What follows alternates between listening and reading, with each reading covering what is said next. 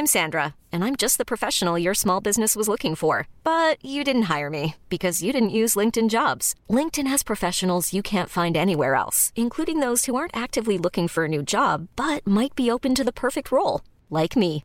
In a given month, over 70% of LinkedIn users don't visit other leading job sites. So if you're not looking on LinkedIn, you'll miss out on great candidates like Sandra. Start hiring professionals like a professional. Post your free job on linkedin.com/achieve today. Hei!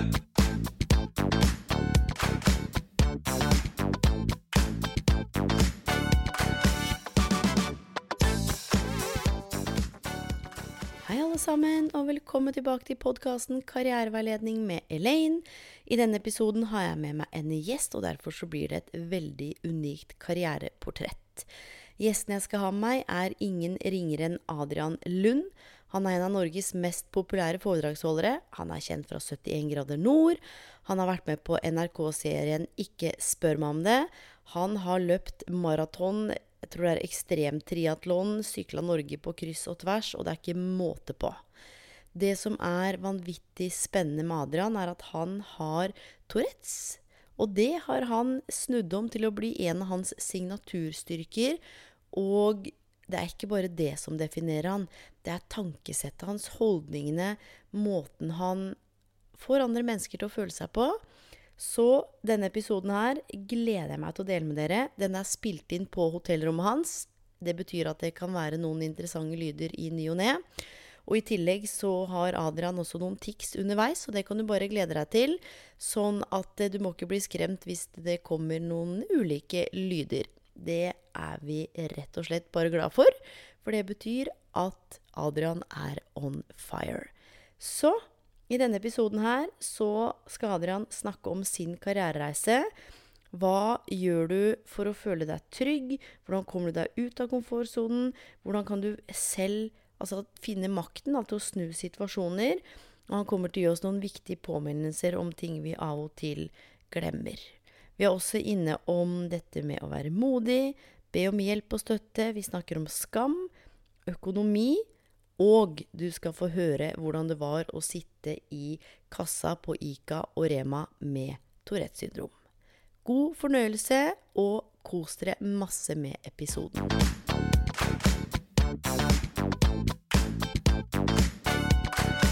Ok, alle sammen. Hei! Jeg har med meg en gjest som jeg har gleda meg så sinnssykt til at dere skal få lov til å bli kjent med, nemlig Adrian Lund. Han sitter her i en lilla sofa og chiller'n med en kopp kaffe. Ja, med en kopp kaffe. Og nå skal vi rett og slett gjøre et karriereportrett. Jeg har gleda meg masse til å treffe deg, Adrian. Hei, hei. Hei sann. Hvordan er livet? Livet smiler. Det det? smiler ganske greit. Ja. Og, eh, og smiler litt lite andre plasser. Men det, sånn er det bare. Ja, og vet du hva? Og sånn er det. Og vi har jo ikke noe manus i den podkasten her i det hele tatt. Men vi skal rett og slett bli bedre kjent med deg og gjøre et karriereportrett av deg. Um, og jeg har jo lagd en intro, så folk har jo blitt litt kjent med deg. Og noe av det som var i introen som vi ikke skal bruke så mye tid på, det er jo det faktum at du har Tourettes syndrom.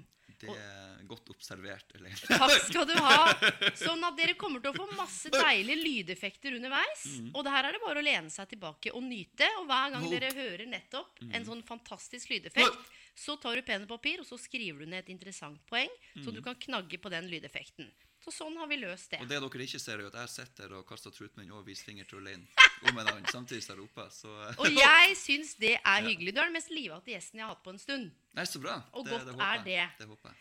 Adrian, hva er det du gjør til daglig når det handler om karriere? Jeg jobber som foredragsholder. Det er det du gjør primært? Det Ja. er det jeg primært gjør.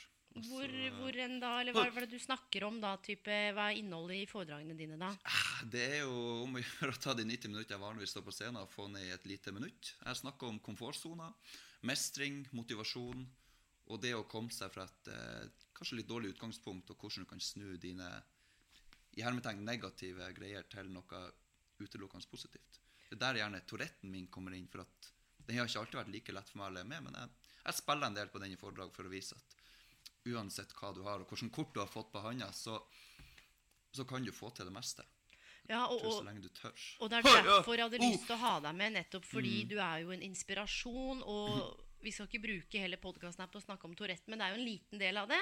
Mm. Nettopp fordi det er, jo ikke, det er jo ikke det som har gjort at du har slått gjennom, for du har en fantastisk personlighet. Men kan ikke du fortelle litt om den, den reisen din? Altså, har du hatt Tourette siden du var helt liten, så det har fulgt deg hele veien, eller? Jeg begynte når jeg var sju, tror jeg. Det begynte jeg med å blunke og heve øynene, og så kremte jeg. Husker jeg var ei jente i klassen min som poengterte. Ja, 'Hvorfor kremta du?' Nei, jeg ble, det med uvane, seg. Ja. Og dess mer det ble poengtert, dess mer begynte å kremte. Ah, Så fikk jeg diagnosen da jeg var tolv. Det tok fem år.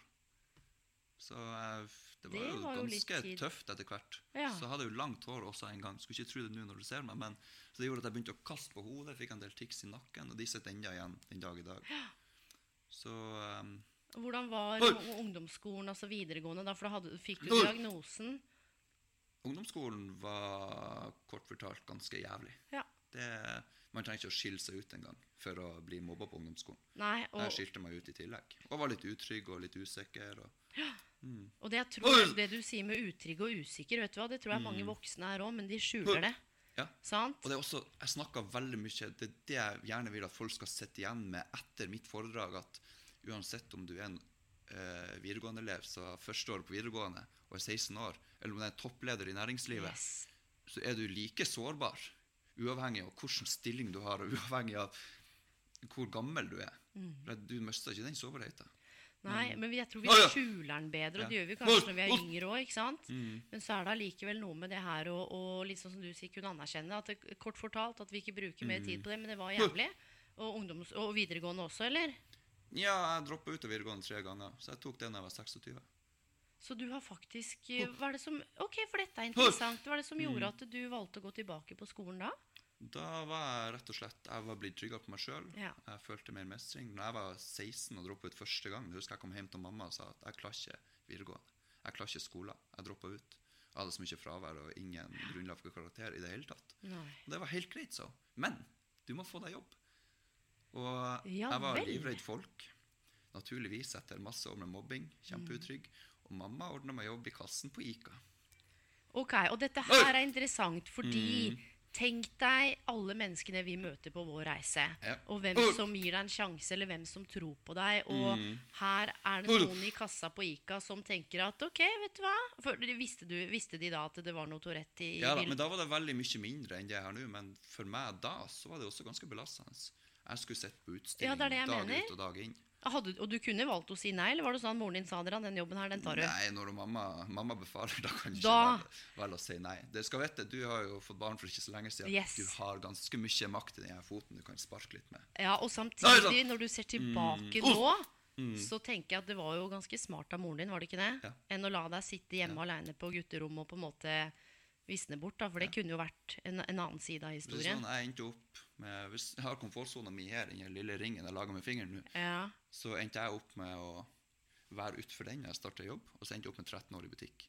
Tre, for, ja, men fortell først. jeg, jo først, jeg altså. jobber jo ennå i butikk. Jeg er jo ennå innom uh, Rema-butikken min i Kroppamarka og hilser på de og prater med kunder. og Gjerne får jeg muligheten til å sitte i kassen et par timer uten betaling, så gjør jeg det. For det har gitt meg så mye. Hva er det det har gitt deg, da?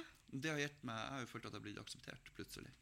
Jeg Ja. kan sitte der og se at oi, folk bryr seg egentlig ikke om ticsene mine, men det er at jeg tillegger folk andre tanker og tror at de bryr seg. Mm.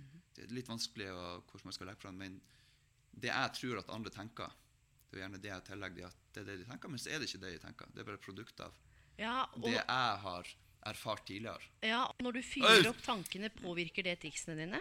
Ja, hvis jeg føler at oi, nå er det noen som reagerer på meg, Ja. så, eh, så fortsetter jeg enda mer. Da tenker jeg ikke gjør det, ikke gjør det. Det sa jeg en trassig toåring på Ja, skolen. ja, ja. Egentlig trassig toåring innvendig hele tida. Som helt tenker ikke gjør det. Jo, kom igjen, nå skal du vise finger her. Ja, ja, ja, ja. Og det er litt interessant når du sitter i kassa og tenk deg hvis det er sykt lang kø, da. Du vet en sånn fredag eller lørdag hvor alle står med tacoen, eller hvordan var det for deg som 16-åring da å, å, å sitte i kassa der? For det tar jo litt tid å bli trygg og lære seg nye ting. Og, At det gjør ja. ja, og folk ble jo kjent med deg etter hvert òg, da. Selvfølgelig. Ja, det er jo det jeg har satt pris på etter hvert, at har kjent meg bakom ticsene. For det førsteinntrykket du får av et menneske du møter, det er jo alltid feil. Du bruker under et sekund på å danne et førsteinntrykk av et annet menneske. Tenk deg det. Og hvis du ikke har fokus på det, så blir du såpass blinda av det førsteinntrykket at du glemmer egentlig å se litt bak. Hvem er det her egentlig?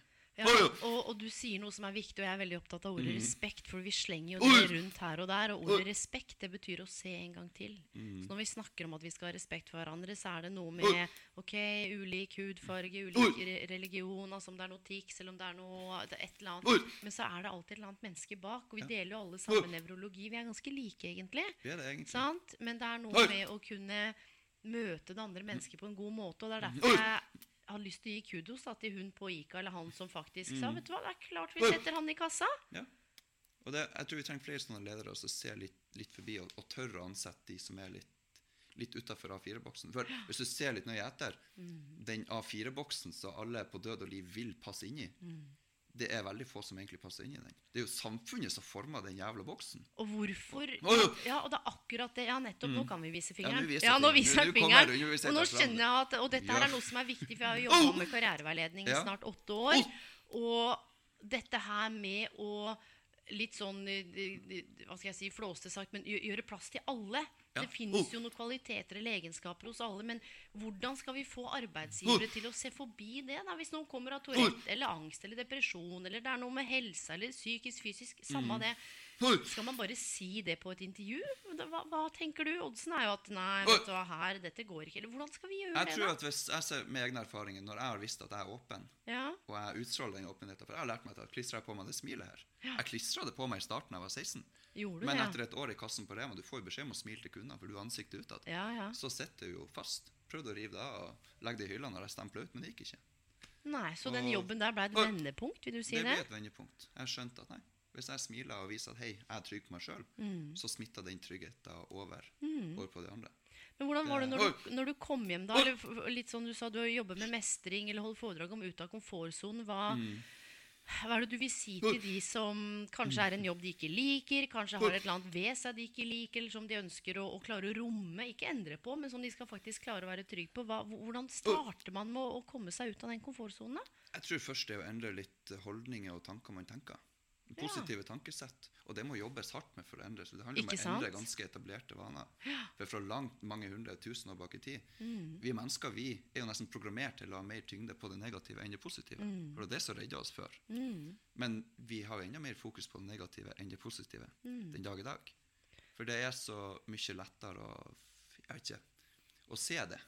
Men Mm. du har like mange positive tanker og like mange muligheter på den andre hånda. Og det er bare det å klare å snu det og, og se at det er ja. Men hvordan er det du har snudd det, da? For jeg vet jo at du trener en del og gjør en, en del ting fysisk. Er det noen sammenheng der for deg? Jeg tror det handler om å oppleve mestring. Ok. Men ikke bare oppleve mestringa. Når du har opplevd mestringa, så må du faktisk evne å se tilbake på at ok, nå har jeg det ganske skitt, men jeg har jo klart det, og jeg har jo klart det. Og se at man får litt selvtillit på bakgrunn av å ha gjort ting tidligere. Når jeg var 16 og sittet et år i kassen Jeg var 17 og sittet et år i kassen Bika. Den mestringa jeg så et år bak i tid, den veien jeg har gått allerede da, var jo enorm. Tusenvis av trappetrinn. Så du stoppa opp og reflekterte, du? Ja, eller I starten så gjorde jeg det helt ubevisst. Ja, Men etter at jeg begynte å jobbe med foredrag og holdninger og endring av tankesett og tankerekke, så har jeg skjønt at dess mer fokus jeg har på det jeg har fått til tidligere, istedenfor Mm. alt det jeg ikke har fått til, dess lettere blir det å kjenne på den mestringa senere. Ja, og, og, og hjernen vår, dette har jo sagt tidligere, og den vandrer jo mellom Mm. fremtid og fortid. sant? Alt vi ikke fikk til, og alt det som skal skje i fremtiden. Og, Mm. og som du sier, det å kunne gå tilbake og plukke ut det som har vært bra. Og det, Ja. jeg tror det er en del, jeg, jeg har i hvert fall truffet en del mennesker som har en del tøffe barndomsminner. ikke sant? Det har vært mobbing eller sånne ting. altså, ja. Flirer jeg. Det var veldig politisk ukorrekt. Bare på her, det var et tics, så vet Ja, dere men, det. men, men, men det er derfor vi, vet vi tar alt som det kommer. og Ja, ja. Men, men dette er jo interessant. Det kan jeg jo faktisk flette inn det. Hvor det var litt sånn politisk ukorrekt, som du sa. Men er det hvordan, har, du opple- har du noen historier hvor du liksom har stått i som du kan le litt av etterpå? Når vi snakker om dette med fortid ikke sant? og tenker at oi, det var tøft, eller sånn var det. Og, men hvor du har ledd, eller hvor det har skjedd et eller annet som nå er liksom blitt et positivt minne? Jeg har jo en historie, flere historier for Rema. Når du jobber kassen på Ica og Rema med Tourette, Ja. det, du får mange situasjoner der som kan være hysterisk, hvis du velger å se på dem som hysterisk. Ja, det er akkurat For du også, kan jo også velge å se på dem som nei, farsken, det her var fælt, nå drar jeg hjem og drar aldri på jobb igjen. Ja. Så um, jeg satt i kassen en fredags ettermiddag. Ja. Da er det som regel den største handledagen i uka. Mhm. Hadde slutten av uke nummer to på ny Rema 1000 Bakkland i Trondheim. Hadde et kjempetøft år før det. Flytta til en ny, stor by. Skikkelig utrygg. Og når jeg blir utrygg, så får jeg masse tics. Jeg fungerte ikke på et halvår. Så fikk jeg meg jobb. Ja. Og jeg bestemte meg for nei, jeg skal sitte her og så skal jeg faktisk eh, Jeg må bare bite i meg. Jeg må bare komme gjennom det. Jeg har ikke noe valg. Og jeg sitter den fredags ettermiddagen, sitter og biper varer, og da er det da er jeg opptatt. Nå prater jeg, nå har jeg ikke triks. ser du. ja. Og så er det fullt i første kassen, andre kassen, tredje kassen, sikkert 20-25 personer i kø. Det er bare beep, beep, beep overalt. Jeg sitter og sier ja, hei, ha det, vis litt finger, og kaster ut med en kvittering. Og de faste kundene de vet jo hva det er, så de bryr seg ikke. Nei, For jeg er åpen og viser trygghet. Og så har han blitt glad i deg antageligvis, sant? Ja, det håper jeg. Ja, ja, ja. sikkert der òg. Ja, ja, oh. Og så kommer det ei jente da, som uh, trenger hjelp med kortet. Bøyer meg over, liksom. Og ja, ta det ut og sette inn. Og idet jeg bøyer meg bak, så ser jeg at hun har hengende noe over skulderen her. Jeg kan jo bare nevne at en av de ticsene jeg har hatt mest de siste årene, er at jeg bjeffer. Og det blir trigga ikke av andre hunder, men det blir trigga av hunder. Å, så når jeg ser hund, så tenker jeg ikke gjør det, ikke gjør det, og da gjør jeg det. Ja. Og så bestemmer jeg jeg skal ikke se i buret. Jeg klarer å undertrykke det første gang, så trenger hun hjelp en gang til med det her kortet. Og idet jeg bøyer meg bak igjen, da altså, jeg, jeg må jo sjekke det buret en gang til, for jeg burde ikke gjøre det. Jeg må gjøre det, jeg må gjøre det. jeg må gjøre det. Så det er en eller annen indre dialog som foregår hos deg, Ja, hele tida. Som du blir bevisst, Det er som å ha en djevel på ryggen som forteller deg i denne situasjonen burde du virkelig ikke gjøre det. Derfor skal du gjøre det. Ah, og du er bevisst, du er bevisst iallfall nå da, og de siste Ja, ja. årene, så du er klar over at det Jeg foregår. er veldig bevisst på det. Så jeg har slutta Eller prøver i hvert fall så godt det lar seg gjøre å slutte å tenke ikke, ikke, ikke. Og der sier du noe Mm. viktig. Fortell, ja. Ja, nei, men jeg tror du skal si akkurat det samme. Ja, men si det du òg, for at det, det her er Når- viktig, altså. Viktig budskap. Hvis jeg ber deg om å ikke tenke på den eh, rosa bilen vi kanskje ser ute, ikke tenk på den rosa bilen. Ikke gjør det. Ikke gjør det. Du glemmer ordet 'ikke', for det forstår ikke hjernen vår. Og så er det 'tenk på den rosa bilen'. Og det er Ah! akkurat det der. Det, så Mm. hjernen er ikke i stand til å oppfatte negasjoner. Og når folk bruker ikke sant, f.eks. 'jeg vil ikke spise kake', 'skal ikke spise kake', alt som har med 'ikke' eller 'vil ikke', Yes. Da bare wow, altså Det er alt. Altså fokuset. Mm. Ikke sant? Så hvis jeg ikke kommer til å få den jobben, ikke kommer til å få til det, ja, vær så god. Da har du bestemt deg på forhånd. Nettopp. Samme med når man skal jobbe mot mobbing. Man har kampanjer som sier 'ikke mobb', 'ikke det' og 'ikke det'. Du befaler jo de på 15, 16, 17 om å gjøre det. For deres hjerner forstår i hvert fall ikke ordet 'ikke', og de er ikke klar over at de ikke forstår det engang. Nei, og mor Teresa hun sa noe bra. Hun sa det, for det, ikke sant? Folk ville at hun skulle være med å gå masse ulike sånne rallies og demonstrasjoner. Og da var det noen som sa at hun skulle gå mot fattigdom. Så sa hun eh, Eller jeg husker ikke helt hva det var, men så sa hun når noen spør meg om jeg har lyst til å gå for fred Ja, istedenfor mot krig eller mot fattigdom Men hvis noen har lyst til å Jeg vil gå for noe. Det er liksom forskjellen som utgjør forskjellen. Jobb for inkludering. Det er akkurat det. Det er også se bare for å ta inn det med mobbing. Det er noe jeg snakker mye om i foredragene, også særlig ute i ungdomsskoler og videregående. Ja. Det, det er så mye fokus på de som blir mobba, men hva med de stakkars Jeg sier faktisk de stakkars folkene som mobber. Mange av de har det så kjipt at du aner det ikke engang, men det er ingen som ser de. Nei, og det er en liten brannfakkel, for det Ja. er det ikke så ofte ikke? Eller man ser på de som vanskeligstilte, eller pøbelunger, eller at det er noe gærent med Ja, og da har du fått et stempel allerede. Hvis du er stempla som pøbelunge, så er det det du har fått oppfatta. Ja, men da er jeg det. Det, det kommer de ikke utenom. Sånn selvoppfyllende profeti. Og du blir det- til slutt. Ja, og det er det som, du, nå sporer vi av, men jeg skal hente oss inn igjen. Men det kommer vi ikke til å gjøre, for vi er så glad i å prate begge to. Men du sitter altså i kassa, du driver og forteller deg selv at ikke du skal se i buret, og tankene dine fyr, og du er klar over at du har de tankene, og så hva skjer da? Ja, Du lener deg over, eller? Og da ser jeg andre gang inn i buret, for jeg må jo se inn i det her buret. Ja, okay. ok. Du klarer ikke styre deg. Nei. Og så ser jeg at det er åpent, og så ser jeg oi, det er tomt. Det er ikke noe her. Så tenker jeg, ja, men det er faren avverga. Hun har bare med seg den her veska av gammel Ja, ja. vane. Og så kjører jeg da ned varene, og så sier jeg takk for nå, og så får hun en truttmunn til, og så skal jeg kjøre ned varene. Idet jeg trykker på knappen for å se om varene går ned, da, har bikkja gått ut. Og du vet, det her er det her, dess mindre bikkjen er, dess mer lyd lager de. Ja, ja, ja. Så jeg ser på den, akkurat som det går i sakte film. Den ser på meg, jeg bare, «Åh!» Jeg roper som bare juling til den, bjeffer til den. Og den står tilbake. Og da har det det gående. Så her sitter jeg, fredags ettermiddag, kassen på Rema, på utstilling. Det blir peisestille i kassen, Ja. alle tre kassene. Og jeg sitter og bjeffer til en stakkars hund. Og hvordan reagerer eierne? Nei, det, jeg husker egentlig ikke hvordan folk reagerer. Nei. Jeg var litt sånn, jeg var jo på andre uka ennå ganske shaky etter Ja, et tøft ja, ja. år. Og, nei. hmm. og da satt jeg og tenkte meg selv, jeg har to valg nå. Mm. Enten kan jeg gå hjem og legge meg og tenke at jeg skal ikke tilbake på jobb, det her var forferdelig. Eller så kan jeg sette meg med rak rygg og tenke at skal jeg sitte i kassen på Rema med Tourettes syndrom? Jeg kommer ikke utenom det her når jeg skal slippe ut ticsene mine. Så må jeg heller prøve å vri det om til noe positivt. Mm. Tenk at det kommer folk hjem før klokka seks, og så er fredagsunderholdninga ferdig. Så jeg, jeg tror det handler om å vri om tankesettet sitt og snu situasjonene rundt, for det har vi makt til. Ja, det Men har vi vi. må gjøre jobben mellom ørene våre. Det er ingen andre som gjør den. Nei, og det du sa oh, ja! der, er et så godt eksempel. Du kan gå hjem og gi opp, sant? Eller du kan rett og slett sette deg rakrygga. Ja. Og det der er Og tenk deg hvor gammel er du når du jobber på den remaen her, da?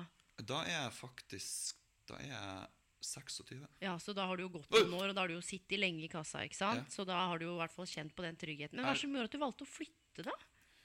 Jeg gikk folkehøyskole. Det var ja. kjempe, kjempetrygt. Enda Ja. tryggere. Den tryggheten har mye å si for min del. Og så kom jeg til Trondheim etterpå. Da fikk jeg meg kjæreste på folkehøyskolen. Vi flytta inn i lag.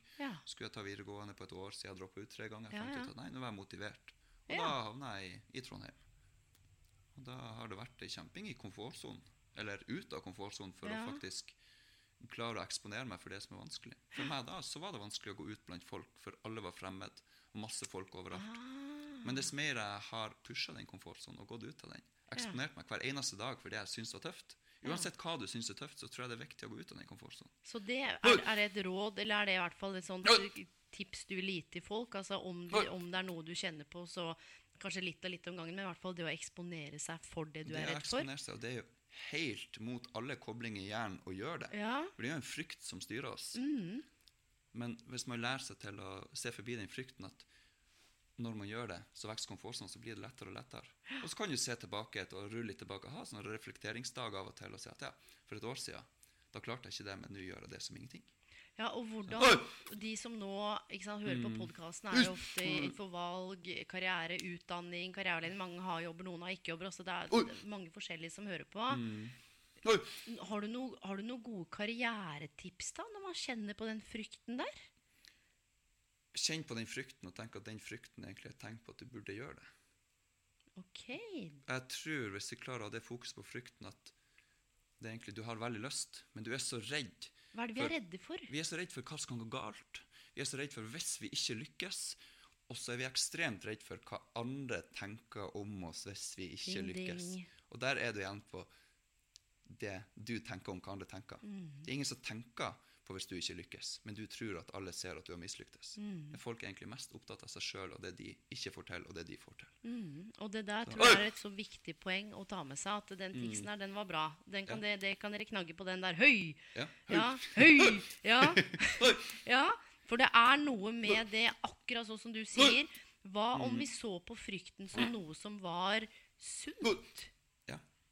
Ja. det Om det var noe som var viktig, noe som driver deg, istedenfor å se på noe som vanskelig og negativt. Og, Mm. Men det er den evnen til å reflektere som du snakker om. Altså. Så når du var 15 år, hvis du ser, Hvor gammel er du nå, Adrian? Nå blir jeg 30 på onsdag. Du blir 30 på Ja. onsdag. Gratulerer med overstått, forresten. Jeg Takk så skal du ha. på torsdag. 36 her. Ja, det er jo ingen Ikke. Nei, det er jo Ingen ikke det. alder. Nærmere 40 enn 30. Ja, ja, ja. Men du, hvilket råd ville du gitt 15 år gamle deg? Jeg ville gått til 15-årige meg Når jeg skrev det her og tenkte på det på flyet, da begynte jeg faktisk å grine, for jeg tenkte at wow. Jeg ville sagt til 15-årige meg at Adrian, først ville jeg bare gitt meg sjøl en klem og sagt at vet du hva, du har ingen anelse om alt du kommer til å ha fått til om 14 år. Oh, fikk jeg ja. Du kommer til å være med på 71 grader nord. Du har sykla Norge på langs to ganger. Du jobber som foredragsholder ennå du er livredd for å stå på scenen nå. Du blir kåra til årets taler. Du aner ikke hva du kommer til å oppleve, men dette kommer til å skje med deg. Jeg hadde jo som 15-åring sett på den raringen fra framtida og tenkt at nå forveksla du med feil fyr, for det der kommer aldri til å skje meg. Jeg kommer ikke til å bli noe. Var det Jeg- det du tenkte? jeg tenkte det. Jeg hadde ikke selvtillit i det hele tatt. Jeg hadde ikke mestra noe som helst. Men det har vært å gå i delmålene hele veien. Og ubevisst først i starten bare gått i litt fryktløst. Og etter hvert så har jeg skjønt at er frykten ute av komfortsona som, som driver meg. Så har jeg fortsatt å pushe den. For jeg ser at jeg tenker på det, men da skal jeg gjøre det jeg kan for å ikke være redd for det lenger. Eksponering. Og setter, setter du deg selv mål underveis? Du gjorde kanskje ikke det når du var 15, men når det har gått fem, fem år da, og du er 20, og, du har sittet i kassa, og, og livet har begynt å rulle lite grann, Mm. hvilke, hva slags råd ville du gi 20 år gamle deg da? Det er fem år etterpå. Jeg vil egentlig bare mynte 20 år gamle meg igjen på at husk hva du kommer til å bli. Eller husk hva du kan få til. Det er ikke noen grense. Uansett om du har ei spa, to og hjertetre på handa, så kan det være to S hvis du spiller de kortene rett. Jeg tror vi trenger påminnelser. Det er det jeg får mest tilbakemelding på foredragene mine etterpå. At du snakker om helt elementære ting som vi vet, men vi glemmer det i hverdagen. Vi, vi Hvorfor glemmer vi det? da? Hva, hva som gjør er, er, hva, hva, Hvorfor glemmer vi det? Jeg, vet jeg tror vi bare trenger påminnelser konstant på at vi, vi får til noe, at vi, at vi er noe bra. For Vi er så, mange er så flinke til å bygge seg sjøl ned, helt ubevisst. Kom, du kommer på slutten av en dag, og så har du gjort 200 ting. Og uh, 198 av de har gått kjempebra. Ja. Men du ser gjerne på de to tingene farsken og jeg fikk ikke til, jeg fikk ikke tid til det, jeg fikk ikke gjort det. Det er gjerne det vi sitter igjen med mange. Mm, og så drar vi med oss det kanskje hjem, og så drar vi med oss det på jobb igjen, og Ja. dagen etterpå, sant? og så setter det seg i oss, og så får vi kanskje den følelsen av manglende mestring da, som du sier er så viktig, og som jeg er helt enig i. Men du! Husker du hva du hadde lyst til å bli når du var liten? Jeg hadde veldig lyst til å bli pilot. Du hadde lyst til å bli pilot, ja. Veldig. Jeg hadde en eh, onkel som gikk bort i 1990 som var pilot. Ok. Og jeg hadde en kjempestor drøm om å bli pilot. Og det var eh, så lenge, jeg kan huske. ja. Ja, jeg spilte flightsimulator i flere timer. Kjøpte meg ratt og pedal og hele pakka. Gikk all in. Det gjør jeg gjerne. Når jeg er motivert noe, så går jeg all in. ja. Så jeg hadde lyst til å bli pilot. Men jeg fant jo ut etter hvert at det er ikke Touretten som stopper meg, men jeg er fargeblind. Er du Jeg fargeblind? skal tro det genbassenget jeg har badet i. Det er helt utrolig. Er det sant? Feste, fargeblind, kronisk rød nese, litt Tourette og litt ADD. Ja, ADD. Så- Si noe kort om det, for det, det er det ikke alle som vet. Tourette kan jo folk ADD tenke at de tror det. ADHD uten på en måte, den utagerende og hyperaktive biten. Men du okay. har alt det andre. Du mangler fokus, du sliter med å strukturere hverdagen din. Og det er den som har henta meg inn de siste årene. For jeg hadde så fokus på at nei, men det går fint, jeg takla Touretten kjempebra. Ja. Så fikk jeg ADD-diagnose når jeg var 26. Men Var du selv da du som sto på for å få utredning, eller hva, hvordan kom det seg til? vi kom egentlig, Jeg var for å få behandling for ticsene, for det var såpass belastende den første tida i Ja. Kom, fant vi ut at nei, vi tar en utredning på ADHD eller ADD for å se om det er noe. Og da har jeg kobla mange løse tråder etter hvert, for jeg får ikke til å organisere egen hverdag. Og det er det som Ah. ikke vises på meg, det er det jeg sliter mest med. Ticsene bryr meg ikke. Nei. Det, det enser jeg ikke Men det er det som foregår inni huet? Ja. Ok, og det men, men nå er du inne på noe viktig, for Touretten uh, høres jo og kan jo synes, ikke sant? Men ofte, og det var det vi var inne på når vi starta også, at det, dette med Mm. mennesket bak fasaden, det er jo mye vi ikke ser. Men er det den ADD-en Hvilke styrker ligger der, da? Det er litt sånn som det jeg nevnte nå for bitte lite stund siden, med at eh, når jeg først går inn for noe og blir motivert, Så er det all in. så er det all in. Ja. Et Og da klarer du å være fokusert. Ja, hvis jeg har det skikkelig ønske om å gjøre det. Og det vil jeg gi et konkret tips til de som hører på Ja. også. Hvis du har et ønske om å gjøre det, sånn skikkelig, skikkelig, du har så lyst, da må du bare finne alle grunnene for å gjøre det. Og så må du kanskje utrede litt hva som kan gå galt, men ha mest fokus på alle mulighetene som er der. Mm. For du kan konsekvensutrede deg i hjel. Men jeg er veldig heldig siden jeg har Tourette og det. Så har jeg ikke konsekvensutredning. Jeg eier ikke konsekvensutredning. Du har ikke det hele tatt? Veldig lite. Jeg er nødt til å lære meg å få det Oi. med å gå på trynet. Med å bestemme meg for ting som ikke går bra, Og så Ja, går jeg på trynet. Og så lære deg å håndtere det, da. Ja. Og lære meg til å tenke at ja, jeg må bare jakte jeg har lyst på. Det, jeg har skjønt at det er bare sånn det er. Men det er en vanvittig styrke. ja, det er en styrke. Og det er det jeg prøver å tenke på når det ellers gjør dagene mine kjempetøffe. Men jeg har den styrken også. Så jeg heller lære meg å takle de tingene som er tøft. Hvor, hvordan er det det blir tøft? Altså, noe med å organisere egen dag. Det Handler det om å planlegge? Type? Er, det, er det tidsstyring, eller hva er Det det? er både tidsstyring og måte, rom Det er veldig stort rom for avbrytelser hos meg. Oh, ja. Jeg tar inn alt. Det, jeg, får ikke, jeg har ikke noe filter på ting. Nei. Så det er jeg, jeg klarer ikke å strukturere egen økonomi. Nei. Mindre jeg har en sparringspartner. Mm. Det har jeg ikke hatt de siste årene. Så jeg har jo Det kan jeg si, jeg har ikke, det er noe av det jeg sliter mest med å komme Mm. ut med nå. Jeg gikk konkurs i september 2018. Ja. Enda det gikk kjempebra med foredragene, så klarte ikke jeg å styre det bak det. Så bare dytta jeg det bort. Ja. For jeg tenkte nei, det får jeg ikke til. Det er jo så manglende konsekvensutredning. Tenkte Mm. bare ei uke fram, ikke et år fram. ja. Så jeg er avhengig av backing. Jeg kanskje har et lite team i ryggen som hjelper meg litt bare Mm. å strukturere, på grunn av jeg har ADD-en som jeg plages med. Og da er det jo noe med å være modig og Nå som du er åpen og sårbar nå, da. Jeg tror mange kan kjenne seg igjen i både økonomi vet du hva, Og det er litt sånn, kan være skambelagt. Det er veldig få som snakker ja. om økonomi og karriere og nei, nei, det Men fy fader, og mange som ved å være ærlig sant, og kunne sette ord på til de rette menneskene og kunne få den støtten. Ja. Og det er like vanlig å ha trøbbel med økonomi til tider, som ikke vite hva du har lyst til å gjøre i jobben din, til å ha kjærlighetssorg, til å, å, Mm. å håndtere hverdagen. da. For Det er en av de sterkeste følelsene vi har. Det er det skambelagt. Den skammen. Mm. Den gjør så mye. Utad så kan jeg kanskje si det sånn Nei, Adrian han får det til kjempebra. Masse foredrag. Han tjener sikkert masse penger. Mm. Og så sitter jeg der og vet at nei, egentlig så går det skikkelig til helvete. Mm. Men det er vanskelig å si til noen, for at folk har fått et annet inntrykk av det. Ja, og, og det handler jo sikkert litt om, ikke sant? Og du har jo vært eh, mye i mediene. Du har jo vært på NRK nå. Den mm. det serien Ikke spør meg om det. om det, Ja, og ja. folk faktisk spør om de tingene de virkelig kanskje ikke tør å spørre om, som de kan spørre om. Du er på 71 grader nord. Mm. Hvordan eh, gikk det, eller hvordan var det? I starten var jo det ganske hardt, for at det som trigga som mine mest, der var jo kamera. Ja, oh. Du har kamera på deg 14-16 timer i døgnet fra flere vinkler. Ja, Men etter hvert så ble det veldig greit, for vi er så skjerma fra omgivelsene der. ja. Og da senker jeg skuldrene, for alle vet hvorfor jeg har det her. Ja, ja. Og så får jeg ikke lov å prate med folk utenom. Den bobla var jeg i fire uker. ja. Så jeg gikk fra masse tics de første dagene til å ha ingenting når jeg gikk ut. Og så kommer det til Trondheim, og så bare boom! Ja, Kommer da jeg ut av bobla. Wow. Så- Men hva, hva lærte du av 71 grader nord, da? Hvis du kan linke det opp mot, mot altså karriere, foredrag, altså veien din videre. Hva er det du sitter igjen med derfra? Jeg sitter igjen med Det er litt vanskelig å si. Det er så mye Mm. inntrykk. Men lagarbeid Ja. Lagarbeid, eksempel. De, de du har rundt deg, de er du ganske avhengig av, men de kan jo også gå deg på nervene. Ja, ja, ja. Der er vi på hverandre 24 så Jeg var med i fire uker. Så um, du, må, det må være rom for å gi feedback, og være rom for å være ærlig. Mm. Det var mange som la litt lokk på ting. Jeg var han som ikke la lokk på ting. Jeg sa ting som det var, på kamera. Vi har fått beskjed om å være ærlig. Det er det som gir god TV, og det er det som gjør at Og så er du deg. Og så er jeg meg, ja. Vær deg sjøl, fikk vi beskjed om. Mm. Så bare vær seg sjøl. Sitter du i et jobbintervju, vær deg sjøl. Ja, og det er det rådet Mm. jeg ofte Og jeg er ikke så glad i råd, men det er ofte det rådet jeg har lyst til å si til folk. Skjønner du? Ja. ja. Og akkurat den triksen her Oi, det er så jæskla vanskelig Ja.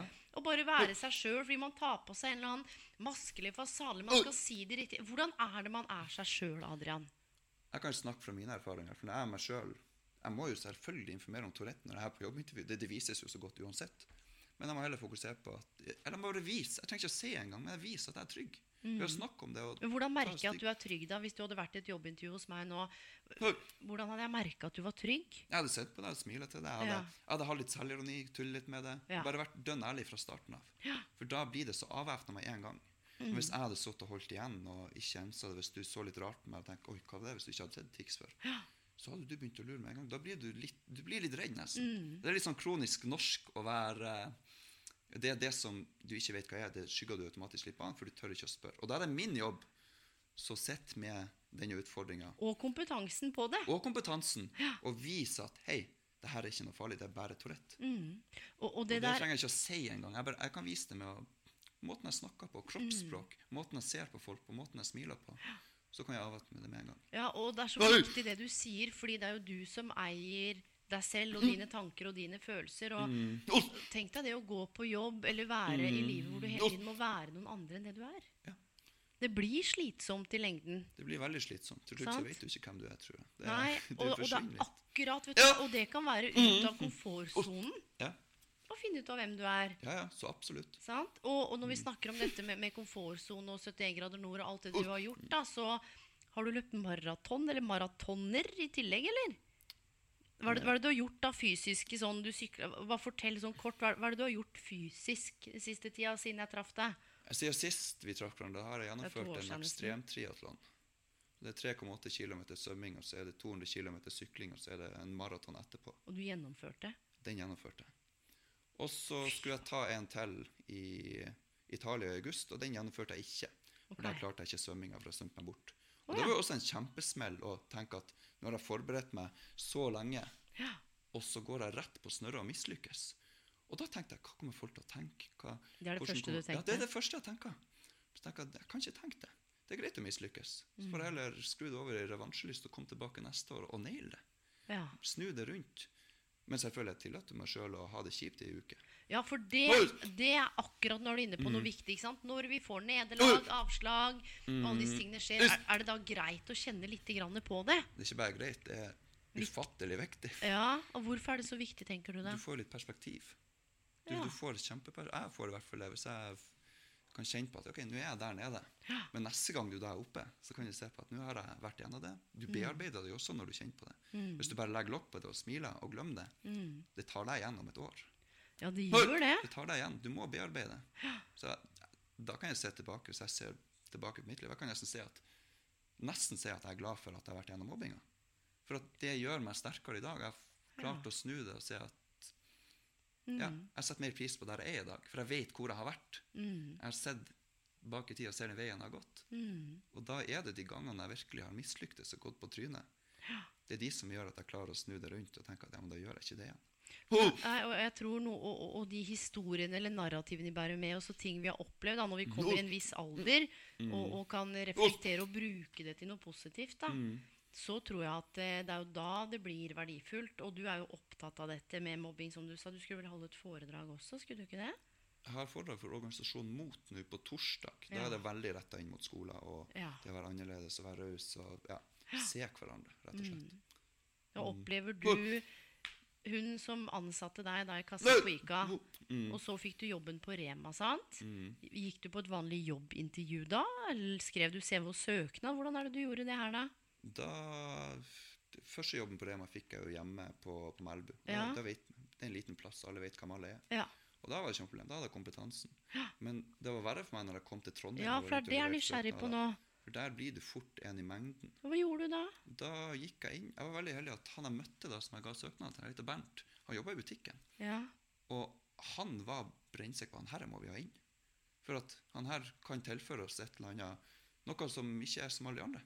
Gi folk litt perspektiv. Og så hadde jeg da hadde jeg sju år kompetanse på Rema. Den sant. Remaen er også post i butikk, hvor jeg jobba i fem år. Ja. Samtidig som jeg jobba i kiosk. Og tenkte jeg, men farsken òg. Det er en kompetanse man ikke ser. Hva, hva gjør det om man har Tourette?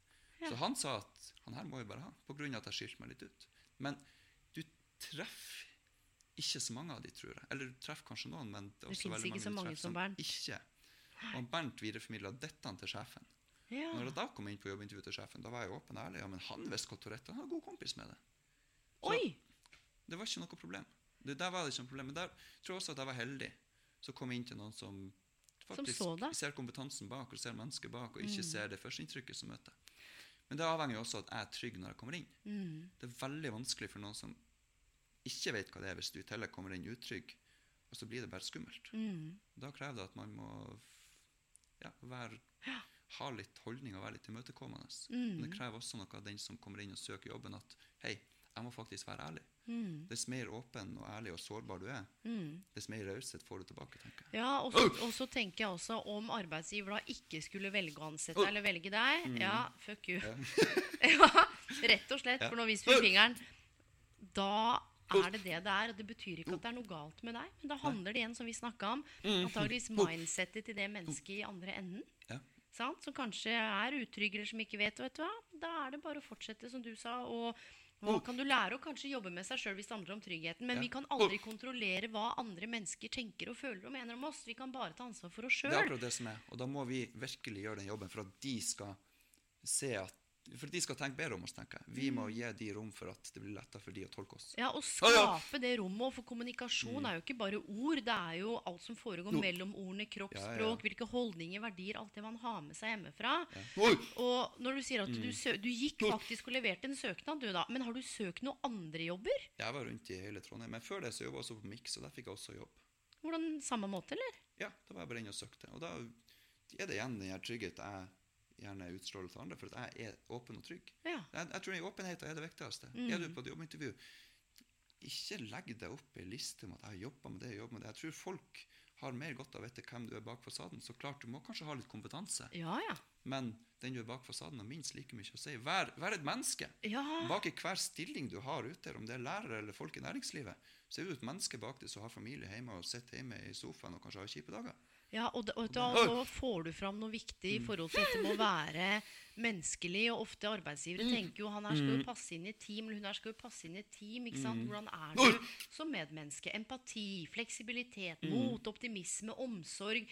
Disse tingene her som vi ofte glemmer. For har du sett på en stillingsannonse på Finn før? Altså hvor mye krav og egenskaper, hvor mye dildo de lister opp? Halvparten tør jo ikke søke på de jobbene. Nei, for man tenker man er underkvalifisert. Man er underkvalifisert. Jeg er ikke god nok. Jeg mangler den kompetansen. Jeg har ikke den utdanningen. Poenget er at det er jo plass til alle, men det handler om å finne sin måte å gjøre det på. Og du gikk jo og leverte søknader, ikke sant? Jeg var rundt, jeg visste at jeg måtte ut og bare levere det personlig. For da får du fort litt mer tilhørighet allerede når du er Hei, jeg har en søknad. Mm. Prater litt med sjefen eller de som møter. Og da har du allerede skapt en relasjon. Fordi relasjonene er jo også kjempeviktige. Mm. Det å sette et ansikt på den søknaden. Hvis ikke så kan det fort bli en i bunken. Mm. Så du Mm. har truffet en god del mennesker som har sett deg eller trodd på deg, da. Ja. Sant? Og det har jo vært avgjørende, og det er jo avgjørende for oss alle at noen gir oss en sjanse. Jeg tror det er nok at det er en som tror på deg av og til. sant? Ja, og så propellerer jo det videre. Og så lurer jeg på, etter du da hadde jobba i butikken i Trondheim, sant? Mm. Og der er du litt av og til enda, men har du søkt noen andre jobber etter? Fortell litt hvordan spant denne karrieren med foredrag? Altså, Hva er det som skjedde fra 26 år i kassa på Rema? Fortell, da. Det starta jo egentlig Det egentlig tilbake til uh, sommeren 2012. Da bestemte jeg meg for å sykle Norge på langs. Det, det var et innfall. Posta på Facebook, trykte enter og angra etterpå, men jeg kunne ikke trekke meg, for alle på den lille plassen jeg er fra, visste det plutselig. Så da måtte jeg sykle Norge på langs. Og underveis der så begynner jeg å tenke at ja, fader, det var kjempetungt. Du var aleine, eller? Det var alene, ja. Hadde aldri hatt ønske om å holde foredrag. Hadde du sykla mye før? Ja, det hadde jeg gjort. Ja, heldigvis. ok. Jeg var Så glad du i å var sykle. Ja, bra. Og starta der. Og underveis der, når du sitter på sykkelen alene 130 km hver dag i 23-26 dager, da får du mye rom for å tenke. Og da begynte jeg å tenke etter hvert wow, den turen her har jo inneholdt så mye. Det har egentlig livet mitt også. Så begynte jeg å koble det her sammen, så ble det etter hvert en rød tråd som jeg drev og spant litt på. Så Mens du satt på sykkelen der, sår i ræva. Sår i baken og ja. Wow. Så tok det ti måneder, og så hadde mitt første foredrag. Ja, hvordan gikk det seg til? Tok du kontakt Jeg tok noen? kontakt. Jeg solgte meg inn som bare juling. Prøvde. Ja, så du tok ansvar for deg sjøl? Ja, ja, jeg måtte det. Og da var det gjennom relasjoner hjemme på Melbu. Nå har noe som heter Sommermelbufestival. Fylte jeg samfunnshuset med 200 mennesker. Aldri gjort det før. Og holdt foredrag? Ja. Om- Da snakka om turn og Tourette. For også målet med turen her var å informere om Tourette underveis. Lagde oh, nettside og blogg. og. Måtte, Det blir sånn her levende jukebox og kommer syklende. Du hører meg før jeg kommer. Og så ser Ja, er det lyder på sykkelen? Ja, jeg kan love deg. Det er lyder. Ja, Hva slags lyder? Er det i forbindelse med naturen? Er det dyr du sykler forbi? Ja, Hvis jeg ser et dyr, så kan jeg begynne å lage samme lyden som de, f.eks. Du hadde noen kuer og sauer og litt sånn Ja, på veien? Ja? Nå får jeg veldig lyst til å røyke når du nevner Ja, kuer, vær så god. det kommer sikkert etter hvert. Ja, ja, ja. Og så er det når jeg møter mennesker, så kommer det sånn. Men målet var i hvert fall at jeg skulle informere om Tourette. Jeg skulle på en tur. ja. Og plutselig så begynte jeg å spinne. Hadde mitt første foredrag. Og når jeg står i dag og ser på hvordan foredraget ser ut nå, og ser tilbake Ja. på det første foredraget hvor det var en powerpoint og en presentasjon i over to timer, powerpoint i romanformat Presentasjon, Du vet jo når du Ja, leser fra skjermen. ja. ja. Det var mitt første foredrag. Jeg tenkte allikevel, der og da, så det er en enorm mestring for meg, for jeg har aldri gjort noe sånt før. Mine forutsetninger med tanke på å stå på scenen, det var jo at alle har gjort det før. Så det kjentes helt rått ut. Så den mestringa jeg opplevde der, ja. Føles minst like sterk som en mestring jeg opplever nå når jeg står på scenen etter 160 foredrag. ja. For da har jeg helt annen forutsetning. Mm. Og så begynte jeg å spinne på seg, og så havner jeg på gjennom relasjoner igjen. ja. Uh, Sykepleierforbundet i Nordland hadde foredrag eh, samtidig som Cecilie Skog, før hun. ja. Og så fortsatte jeg bare litt på hobbybasis. Så måtte jeg ha en utdanning, jeg måtte jo ha videregående, for jeg måtte jo prøve å gjøre noe med Ja. livet. Så jeg har ikke bestemt meg for at det skulle bli foredragsholder. Nei, så det var ikke klart ennå. Nei, det, det var ikke klart. Du bare likte det litt? Ja, Altså sånn, det bare, ja. Og det, det er ikke bare bare å bli foredragsholder heller. I know. Det vet du. Det, det, det det krever stort nettverk. Du må ha noe å komme jobbe, ja. du, må være, du må bli flink, du må ha kompetanse. Du må levere. Du må levere, ikke minst. Det er Ja. der du får nye oppdrag. Ja, ja, ja. Og så begynner jeg å spinne på seg, ha litt foredrag her og litt der etter eh, oppdraget for Sykepleierforbundet. Og så kommer jeg begynner på høyskole, har litt foredrag der. Begynte du på høyskolen? Jeg begynte på høyskole etter videregående. Hva? Da begynte jeg på audiografstudiet. Oi. Det var den ene kompisen jeg møtte på privatgymnaset året før. Ja. Han skulle gå det, og jeg tenkte, jeg var egentlig ikke klar jeg visste ikke hvilken retning jeg ville ta. Men han sa nei, det er gode jobbmuligheter. Jeg begynte å lese litt, ja, men det er jo gode jobbmuligheter. Og det er jo lurt å tenke på. Kanskje det lureste du tenker på når du skal velge en jobb. Ja. Man kan jo lære seg noe nytt. Mm. Og i løpet av den tida her så er studiet kjempeinteressant. Og så får jeg et innfall en kveld om at nei, farsken, du så en annonse om å søke seg til Englander Nord. Så bruker jeg en måned på å skrive søknaden, for jeg ville ha den ordentlig. Jeg tenkte, ja. Ja. Det verste som skjer, er at jeg får et nei. Mest sannsynlig får jeg et nei. Og i mars 2016 så er jeg plutselig en av 100. Jeg kommer til og med gjennom psykologintervjuet, det er jo helt utrolig. Wow. Og så er jeg en av 40. Og så vet jeg at hvis jeg kommer på uttaket og kommer med, så må jeg pause skole et år. Ja. Og jeg kommer med, og da vet jeg jo at når jeg Hvis jeg kommer langt her Jeg var med i fire uker. Jeg tenkte allerede da tidlig i utvalgsprosessen. Kommer jeg langt, så kommer jeg til å ha mulighet til å slå igjennom. Ja. For da kommer jeg til å være på TV. Og når du er på TV med Tourette, jeg kommer til å bli lagt merke til. For det er, det er min X-faktor. Det er det jeg har med meg sjøl som jeg har klart å snu rundt, som er litt spesielt med meg. Det er din! X-faktor. Ja. Og det er dit jeg har kommet, at jeg har sett på det som en ressurs isteden.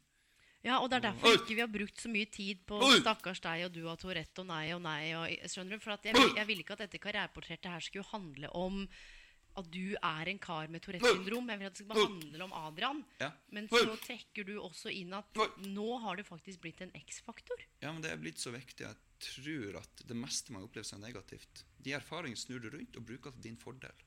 Derav kan jeg se at min Tourette blitt en X-faktor. Så ville du vært, ville du vært foruten Hvis, du, hvis vi nå ikke, ikke ser på de skole-barneårene som var ganske tøffe eller brutale, ville du vært foruten? Ja, hvis du tar Touretten min, så tar du jobben min.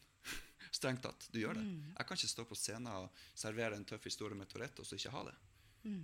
enten har jeg faka i 20 år for å få en karriere. Ja, ja, ja. eller så skjønner? Men tenk deg at det har blitt karriereveien din. Og det er dette her jeg mener at det, livet består jo av tilfeldigheter. På godt og vondt. Samtidig så går man jo akt. Det er jo ikke tilfeldig at du fikk den jobben i kassa på, på Ica. ikke sant? For det var moren din. Og det var ikke tilfeldig at du fikk på Minskiosk eller Rema. Du har jo aktivt gått ut og gjort noen ting. Mm. Du har fått innfall om 71 grader nord. Du har, altså, du har valgt, sant? Jeg har Men og jeg man har, jeg har turt å velge. Jeg tror det handler veldig mye om å tørre. Ja, men så vet Du må man ut av komfortsonen. til. Ja, Ja. og, og, og det som er så fint med at når vi Mm. sprinter ut eller sakte går ut av komfortsonen eller utfører en, så veit du aldri hvem du treffer, Nei. hvem du blir kjent med, hvem du kommer til å krangle med, som kommer til å like deg, hvem som kan anbefale deg videre.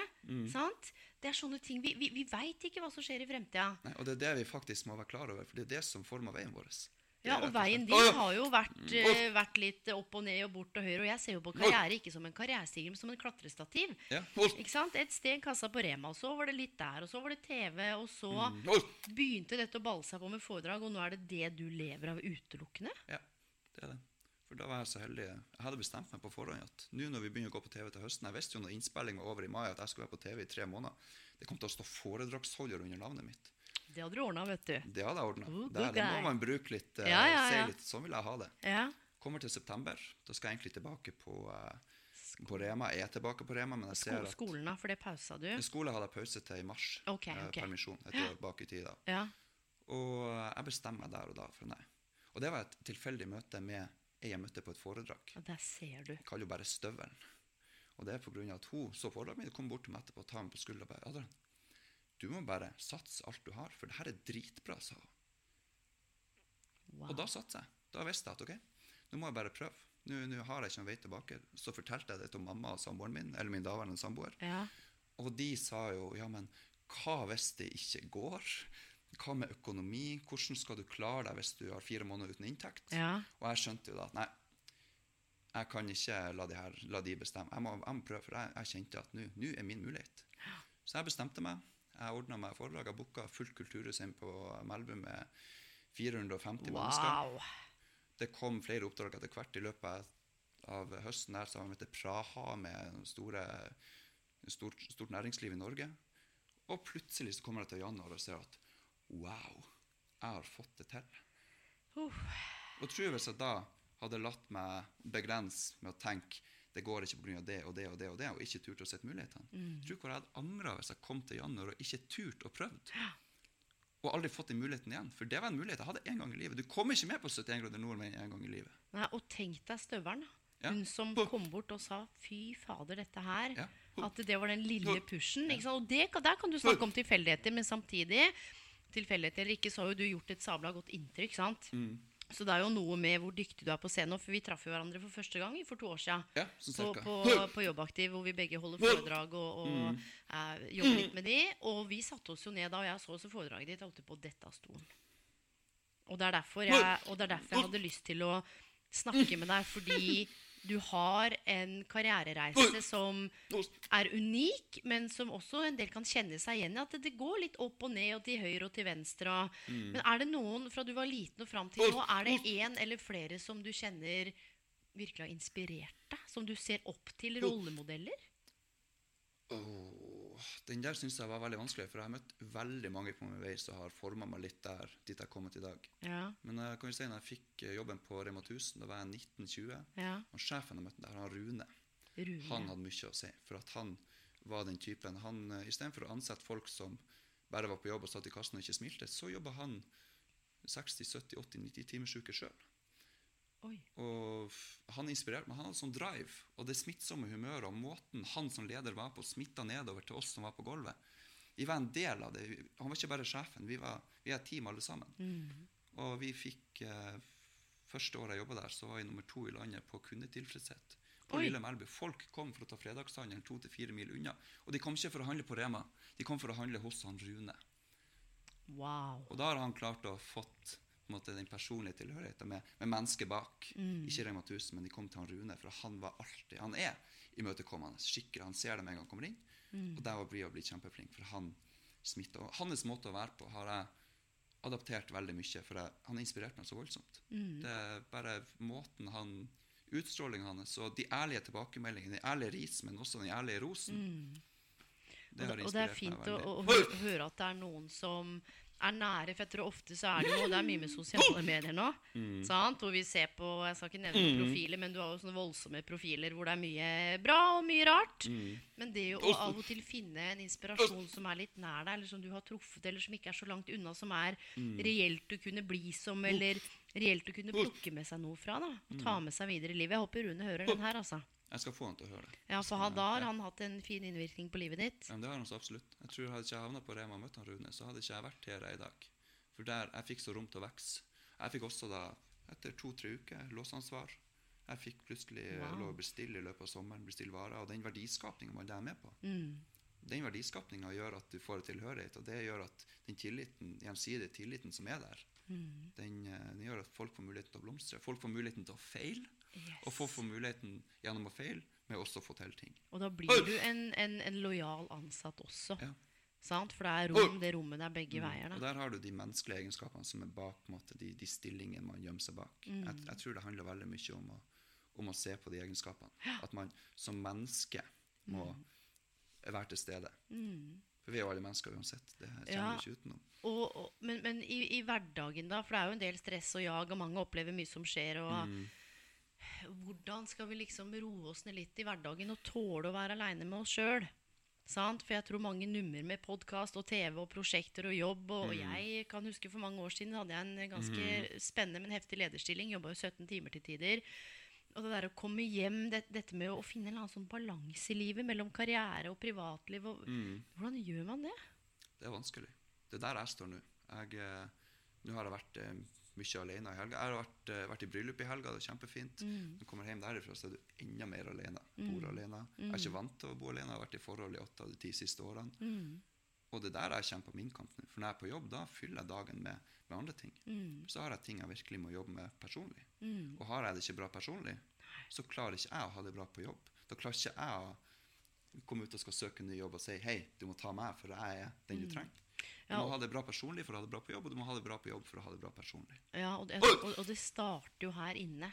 Sant? Og det er litt sånn, sånn, sånn inner work. For det er, ut, det er ut av komfortsonen, det å være ærlig med seg sjøl. Ja. Hva er det som gjør at jeg kjenner på ubehag nå i jobben? Eller hva er det som gjør at jeg ikke trives her? Eller hvordan, hva skal til for at jeg bare holder ut eller må ta det neste skrittet? Og det, og det, og det er så lett å snakke om alle andre. Om arbeidsgiver og partner. Og, men, men det derre å ta ansvar for seg sjøl. Ja. Å tørre å stå i det man kjenner på, og så begynne å gjøre noe med det, det er lettere sagt enn gjort. altså. Da kan jeg se tilbake på når jeg var 16 og droppet ut av videregående, og mamma sparka meg ut i jobb. Jeg var den 16-åringen som skyldte på alle rundt meg. Jeg skyldte på Touretten min, skyldte på lærerne som ikke klarte å følge meg opp. Jeg skyldte på alt rundt meg, men tok aldri ansvar sjøl for at jeg måtte faktisk stå i det og ta tak. Og det fikk jeg hjelp til ved å få det sparket i ræva. Nå må du faktisk Nå må du faktisk eh, ut og jobbe hvis du ikke skal gå skole. Og da kommer de ut av komfortsonen og får oppleve mestring, og da, ja, da, da baller det bare på seg. Og hva er det du ønsker, både i den podkasten her, med gjennom foredragene dine, og bare ved å være den du er, da? Hva er det du ønsker at folk skal sitte igjen med etter å ha hørt deg, eller møtt deg, eller blitt kjent med deg? Jeg vil at folk skal sitte igjen med at de må, de må tørre å følge magefølelsen litt mer. At livet er ikke, livet er ikke planlagt 110% det går ikke. Jeg tror at det du er mest redd for i dag, det er kanskje det du er aller best på om fem år. Hvis du klarer Å, gå si det der en gang til. Jeg tror at uh, det du er aller mest redd for i dag, det er det, det du kanskje jobber med å sette mest pris på om fem år. Du, nå fikk jeg frysninger. Jeg Det der du, var, du det der var sånn eh, aha moment. Men jeg bare ser tilbake på meg sjøl. Jeg forestilte meg ikke engang som 20-åring at jeg skulle være her er i dag og gjøre noe av det, det jeg har gjort. Nei, for du skal opp og holde foredrag etterpå, du. Jeg skal ha foredrag i morgen på Jobbaktiv, faktisk, Ja, det der vi du møttes for to år siden. Og Da og da skal du dele historien din, eller da skal du Ja, da skal jeg snakke eh, hvordan arbeidslivet kan inkludere unge med psykiske lidelser. Vet du hva, jeg tror du må komme tilbake og gjøre en ny episode om akkurat det. Det For det kommer en, det kommer en serie i den podkasten her med karriereveiledning og psykisk helse. Mm. Eh, Og det er klart, jeg, jeg har ikke møtt veldig mange med Tourette. Jeg har jobbet med én eller to. Og det er jo ikke sånn at eh, jeg ser det hele tiden. Nei. Og jeg tenkte at vi skulle bare trekke inn eh, For nå har vi snart snakka en time. Mm. Tenkte Har jeg det, Og vi har ikke noe manus. Altså Jeg bare sendte deg to-tre spørsmål, så du skulle få de, de grå litt i gang. Men jeg har fått inn tre spørsmål. Og det ene Mm. er altså helt sånn basic Hva er Tourette? Tourette er, Altså Er det noe man kan bare få, liksom? Eller er det det er arvelig. Oh, ja! Det er, jeg har fått det, det har jeg funnet ut for fem år siden. Pappa med lillesøstera mi på utredning. Da var hun 15-16. Hun fikk ADD. Og da sitter han pappa der som ja, 56, tror jeg han var, og satt og tenkte ja, dette har jeg hatt hele livet. Er det sant? Men du hadde ikke noen sånne diagnoser for 40-50 år siden. Men har faren din hatt noe tics eller noe Tourette eller Nei da. Det som er det at ADD, ADHD, Tourette, Aspergers og autisme det er på en måte under samme paraply. Så hvis du har det ene, kan du få det andre. Kan du ha asperger, f.eks.? Ja, det, det er ikke veldig vanlig, men det kan gjerne komme i samme. Det, det er samme jeg kaller det bare samme paraply. Ja, Ja, ja, ja. Men eh, de med Tourette, gjerne 70-80% av de har ADHD eller ADD. Men, og, men er, det, er det noe nevrobiologisk oppi hodet? Eller hva, hva? Det er nevrologisk. Det er Jeg var på Newton for noen år siden og skulle forklare det her til barn, og da sa vi det såpass enkelt som at det er som å ikke ha politi i hjernen. Du har ikke noen som Ah. stopper deg når du føler at nå må, jeg- må jeg gjøre det. Vanlige folk i Ja, ja, hjernetegn ja. har den koblinga at det stopper opp før det kommer ut. Ja. Men jeg gjør det ikke det, for det er nervereseptorene i frontallappen som Yes. de er litt usikre ennå, men som overstimuleres. Gjerne når jeg er der oppe fullt av dopamin og masse Ja, ja, ja, så overstimuleres det. og Så fyres det bare løs en masse, og så, og så kommer det ut. Gjerne kanskje i form av ikke så veldig mye ord. Det er veldig få av de med Tourette som har ord. Men det er det alle tror, for det er det media skriver Ja. om. De skriver om ytterpunktene. Yes! Og, og, det Mm. og, det, og, det, og det var neste spørsmål nå. Det er en som har skrevet Mm. hvordan hvordan er det det kommer til uttrykk? Og nå har du jo beskrevet det. da, altså det, det er jo kroppslig tics, men det kan også være, være ord. Men det er ikke det som er mest vanlig. Nei, det, det er gjerne kroppslige eller motoriske tics og de, de, nei, de vokale ticsene. Ja. Lyd og motorisk sammen. Som. Og så er det mange som sliter mer med tilleggsbelastning, sånn som tvangstanker. Ja. Og den ADD-en eller ADHD-en og litt sinne og sånn som kan komme. Ja. Så ticsene er for en del kanskje ikke det verste. Men det er alt det som kommer med av For det tror jeg ikke alle vet så mye om. Nei, det det som Har du vært mye sint, eller har du noe, hatt Jeg har skjønt de siste årene at sånn helt ubegrunna sinne som har kommet, at det kan ha en del å gjøre med At det har en sammenheng. Ja. Er, men er det godt å vite? Det er veldig godt å vite. Ja. Jeg har en knagg å feste på. Samme som når jeg fikk ADD. Jeg har en knagg å feste på hvorfor jeg har mista fokus. Hvorfor jeg ikke klarer å strukturere egne dager. Endelig har jeg noe å sette på. Ja. Og det tenker jeg kan jo være interessant. Nå vet jeg ikke om noen kanskje er under utredning, eller kjenner, om ikke nødvendigvis kjenner seg igjen, eller, men, at, Mm. men at det å kunne i hvert fall få, få knagga det på noe, så man kanskje forstår litt mer av seg sjøl. For det er ikke alltid så lett å finne ut av ting aleine. Er så er det så er gjerne, Man skal ikke overdiagnostisere heller. Nei, Så man kan ta det over at hvis man har noe man sliter med, så kan man prøve å finne sine egne knagger å feste på. Hvorfor er det Godt sånn? Hvorfor sagt. Mm. reagerer jeg som jeg gjør? Og hvordan kan jeg jobbe med det? Og da må man gå hardt inn i seg sjøl. Altså. Og det kanskje- krever personlig ærlighet, og det er vondt noen ganger. Det er vondt. Jeg sliter ennå med personlig ærlighet en dag i dag. Siste månedene har jeg vokst enormt bare på det. Med tanke på det jeg sliter med i bakgrunnen, som Mm. ingen ser. Nei, og det er akkurat det ingen ser, og det bringer meg til det siste spørsmålet vi skal trekke inn, og det er det en som har spurt om. Hvis du på en måte kunne holdt foredrag da, som du gjør, for hun, hun kjente jo ikke til det, hun bare syntes det var så spennende at du har vært med på ting og ikke sant, ville bli mer kjent. Hva, hva er det du skulle ønske at folk visste da, om, om Tourette, eller om i forhold til arbeidslivet, for hun jobbet som leder? Hva er det, hvis du kunne snakke til alle lederne som holder på å rekruttere, er det Er det noe de kan gjøre for å legge til rette, eller hvordan kan man ivareta på best mulig måte? Legg til rette for uh, åpenhet. Tror veldig okay. mange av de du møter, uansett om det er Tourette eller andre tilstander som ikke vises, legger til rette for at det er lett å være åpen og ha en dialog. Mm. Og det er lett å være sårbar. Ja. Og skal jeg si spesifikt for å legge til rette på Tourette, så er det gjerne Sånn som jeg liker best når jeg sitter i en restaurant, for eksempel. Liker å sitte med ryggen til rommet. For da ser jeg ikke folk som kommer inn og slipper å sitte og skanne etter negative reaksjoner. Ja. Legg til rette med at jeg med Tourette jeg skal ikke sitte i noe åpent kontorlandskap. Nei, for det var det, Det- hadde jeg tenkt å Ja. spørre om i stad. Hvis du havna i et åpent kontorlandskap, og det er mye Ja. hoi og støy og telefoner, og folk kommer og går, at det, det kan trigge litt. Ja, det, det trigger veldig mye. I hvert fall for meg. Og så er det jo veldig ulik. Vi med Tourette er like ulike som alle andre mennesker rundt omkring. Så det er om å gjøre å få fatt på hva er det hver enkelt sliter med. Eller Og hva gå er i dialog. God dialog. Ja, og, og, Og jeg tror mange av de man kanskje snakker med deg, de vet kanskje ikke sjøl hvor skoen trykker. Mm. En dialog på bare Eller en dialog på det å være ærlig med, med seg sjøl. At man må få folk til å skjønne at det å være ærlig med seg sjøl er første steget før du kan Mm. få alt ut av relasjonene dine, tror jeg. Ja. og, og jeg tenker jo på det du snakker om nå, altså dette med å tørre å spørre. Ja. Og der, og jeg, jeg har ikke noe sånn filter, altså misforstå meg rett, jeg spør jo ikke om, om ting som gjør folk vondt, eller, skjønner du? Mm. Men som jeg spurte deg når vi traff hverandre òg, altså Ja. sånn, jeg sa kan jeg spørre, og så rett, og slett fordi, og det handler ikke om at jeg er så nysgjerrig, det handler om å bare bli kjent med, Å gå i den dialogen, og, og tørre å stille spørsmål, for jeg tror ofte, når vi tør å sette ord på det som kan oppleves som vanskelig, eller ikke vanskelig, alt avhengig av hvordan man ser det, så er det i hvert fall ute i rommet der. ja, det er ute i rommet, og da er det bare. Men du, nå har vi snakka sammen i 59 minutter. Hvordan har du det nå? Nei, jeg kunne gjerne snakka en time til. Ja, det kunne jeg Jeg også. er supergira. Jeg pleier vanligvis å ha 20 minutter, skjønner du. Eh, men akkurat når det er karriereportrett, så, så tenker jeg at vi skal ha en time. Men jeg lurer på om du må komme tilbake. Er det greit for deg? Ja, at vi må få del. til med psykisk helse? Ja. Det hadde vært helt sinnssykt. Ikke bare fordi, som jeg sa, den Touretten, og det er jo det det har kommet inn. Det har kommet inn mange spørsmål.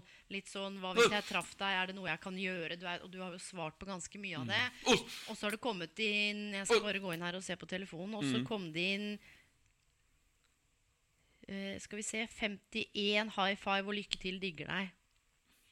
Stå på. Ja. tilbake. Send en trutmunn tilbake. Stå på, du er dritkul, har fulgt med på deg. Fy fader, du inspirerer meg. Får lyst til å bli fysisk aktivitet. Og så er det en som skriver Jeg vet ikke om du har lyst til å si det her, Len, men noen ganger skulle jeg ønske at jeg hadde litt Tourettes. Ja, jeg tror mange skulle ønske det. Og vet du hva jeg skrev tilbake? Så skrev jeg 'Hva handler det om?' Og så skriver vedkommende 'For da hadde jeg noe som kunne gjøre meg litt spesiell'. Ja. Da har han catcha noe bra. Veldig. Er ikke det kult? Ja, det er kult. Det Skal vi bare avslutte med at du er egentlig ganske spesiell på mange måter. Og det handler ikke bare om Tourette, men hele den pakka. Så takk for at du delte fra mm, ungdomsskole helt fram til nå. Gratulerer med dagen som kommer. Tusen hjertelig. Lykke til med foredragene. Og jeg kjenner at jeg har ikke lyst til å avslutte, men jeg ser vi bikker timen nå, og folk skal jo ha oss på øret. La oss si at du kommer tilbake en gang hvor vi har fokus på psykisk helse. Det høres Og kanskje et eller annet annet sprell du har funnet på. Mm. Ha, uh, mental high five. Yes. Takk skal du ha, Adrian. Og til alle som hører på. Adrian finner dere på Facebook. sant? Hvor er det vi kan finne deg? Nei, overalt. Facebook, eh, Instagram. Adrian Lund og Adrian Lund på Instagram, eller? Ja. Har du noen hjemmeside? Hjemmeside er også adrianlund.no. Den er ikke oppe nå, men den kommer. kommer, tenker jeg. Og så har du ikke en podkast òg? Vi har en podkast òg. Den heter 'Meninga med livet'. Ja. Der er det jeg og tre kamerater som sitter og prater om løst og fast. ja. Vi er såpass godt kjent at de eh, ber meg av og til om å holde kjeft. Og Ja, ja. dess mer de ber meg holde kjeft, dess mer roper jeg. Og det, nei, vi eh, tar Vi snakker om, Om litt livet. store tema og tar det veldig spiselig ned, rett og slett.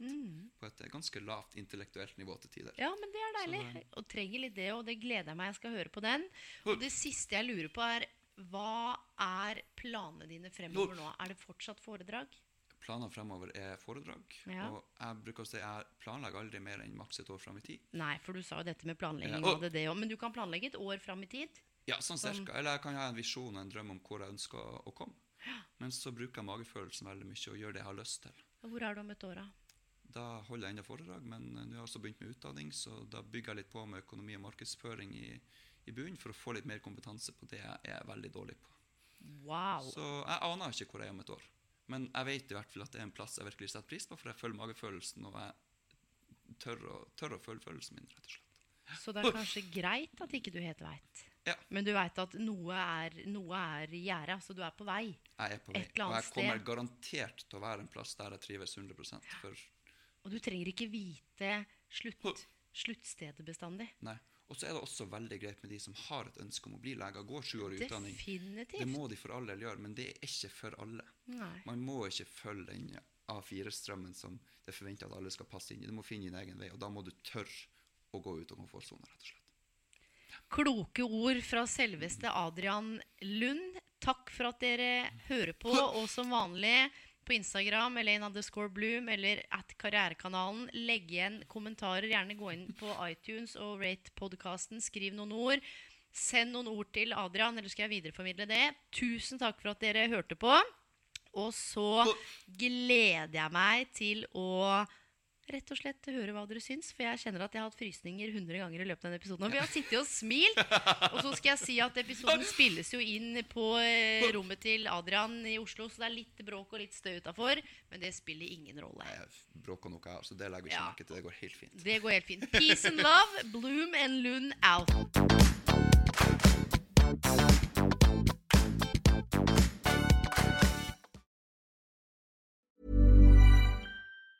Planning for your next trip? Elevate your travel style with Quince. Quince has all the jet setting essentials you'll want for your next getaway, like European linen, premium luggage options, buttery soft Italian leather bags, and so much more. And it's all priced at 50 to 80% less than similar brands. Plus, Quince only works with factories that use safe and ethical manufacturing practices. Pack your bags with high-quality essentials you'll be wearing for vacations to come with Quince. Go to quince.com slash trip for free shipping and 365-day returns. Hi, I'm Daniel, founder of Pretty Litter. Did you know cats tend to hide symptoms of sickness and pain? I learned this the hard way after losing my cat, Gingy. So I created Pretty Litter, a health monitoring litter that helps detect early signs of illness by changing colors, saving you money and potentially your cat's life. Pretty Litter is veterinarian developed, and it's the easiest way to keep tabs on your fur baby's health right at home. Go to prettylitter.com and use code ACAST for 20% off your first order and a free cat toy. Terms and conditions apply. See site for details.